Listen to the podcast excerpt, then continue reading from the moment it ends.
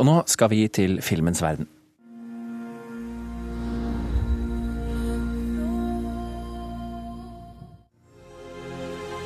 Her er vi i kjernen av plottet i den nye filmen 'Gåten Ragnarok', som har premiere i morgen.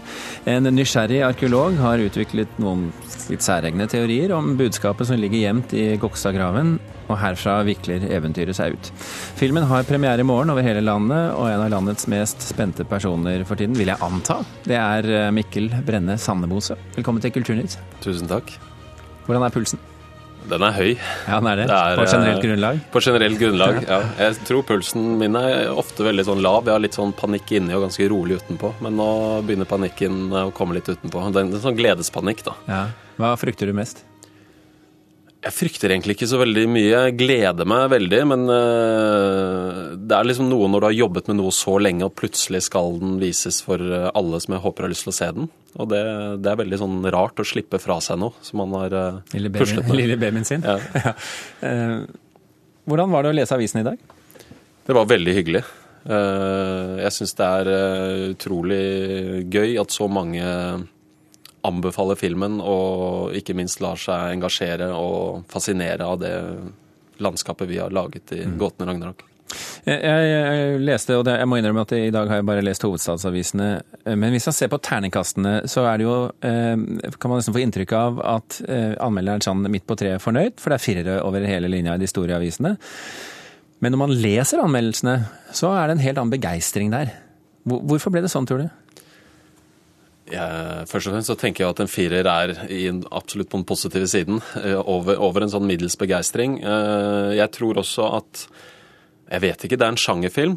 Vanskeligere, tror jeg, sånn rent øh, Å gi den på en måte en høyere karakter for de litt sånn største avisene. At de skal være litt strengere på det, på et vis. Du ser jo regionale avisene ligger generelt på femmere. Og så, ja. Jeg vet ikke. Eh, Jeg, men jeg er veldig glad for at eh, de skriver så varmt om filmen i det de skriver, og anbefaler de til publikum. Fortell lytterne våre som ikke har lest seg opp på dette her, hva handler denne filmen egentlig om? Uh, Sigurd Svendsen er arkeolog, spilt av Pål Sverre Hagen. Uh, han har jobbet med funnet, altså Oseberg-funnet i veldig mange år, og mener at uh, i denne graven, som det jo er, så skjuler det seg et mysterium som ingen har funnet ut av før. Eh, han tror at eh, den egentlige eh, Liksom den hva skal man si, den, den egentlige meningen av ordet ragnarok kan man finne ut av ved å, å, å virkelig gå inn i dette her. Og så får han anledning til å bevise teorien sin, en teori som ingen tror på.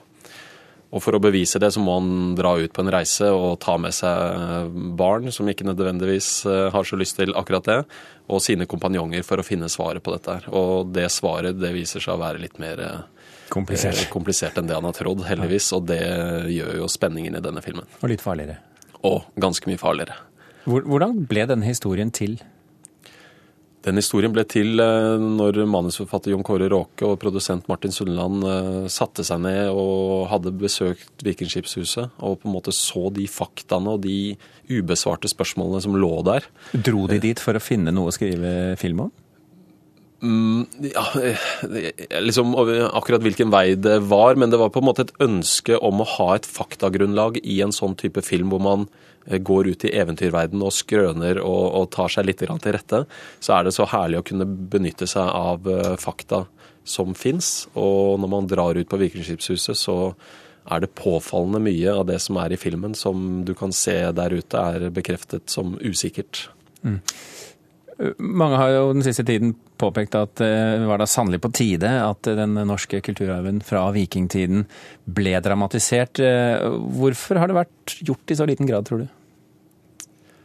Åh, vanskelig spørsmål, men eh, jeg vet ikke. Vi, vi hadde et sånt veldig sterkt ønske om å, å lage en, sånn, en type film som ikke er så vanlig i Norge. eh, og føler vel at vi har gått litt sånn i bresjen for denne sjangeren. En sjanger vi egentlig ikke har noe godt ord på. altså Action-adventure, hvis man Eventyrfilm er egentlig ikke passende.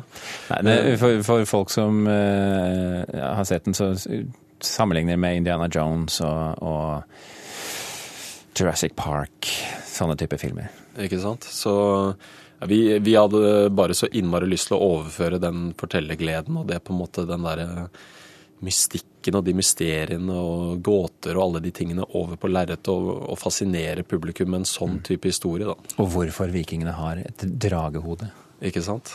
Er det, er jo herlig mye utskjæringer. Det er en grunn, og det er en veldig god grunn. I filmen så sliter jo Vikingskipshuset med finansieringen mm. Eh, av driften. Hvor, hvor, lett har det vært å finansiere denne filmen? Uh, det er litt vanskelig for meg å svare på, for jeg sitter ikke og, og styrer på finansieringen. Men eh, grunnideen er en idé som veldig mange har engasjert seg i og tent på. Eh, og vi merker jo nå, nærmer oss premieren, hvor mange som på en måte engasjerer seg videre i denne historien og har lyst til å vite mer. Og vi, nå er det en liten utstilling på Vikingskipshuset med rekvisitter fra filmen. og det, det, ene med det andre. Så det, det, er på en måte Det fagner bredt, og det syns vi er kjempegøy. Hvor mange billetter må du selge før, før uh, du går i pluss? Det tallet kjenner jeg faktisk ikke. Det må du nesten snakke med produsenten Ja, Vi får snakke med dem ved en senere anledning. Eh, dere valgte Finnmark som åsted for uh, det her dette dramaet skal utspille seg. Hvorfor ble det Finnmark? Ja, vi hadde lyst på Først og fremst så trengte vi et sted i Norge som vi kunne plausibelt si at ikke så veldig mange hadde vært.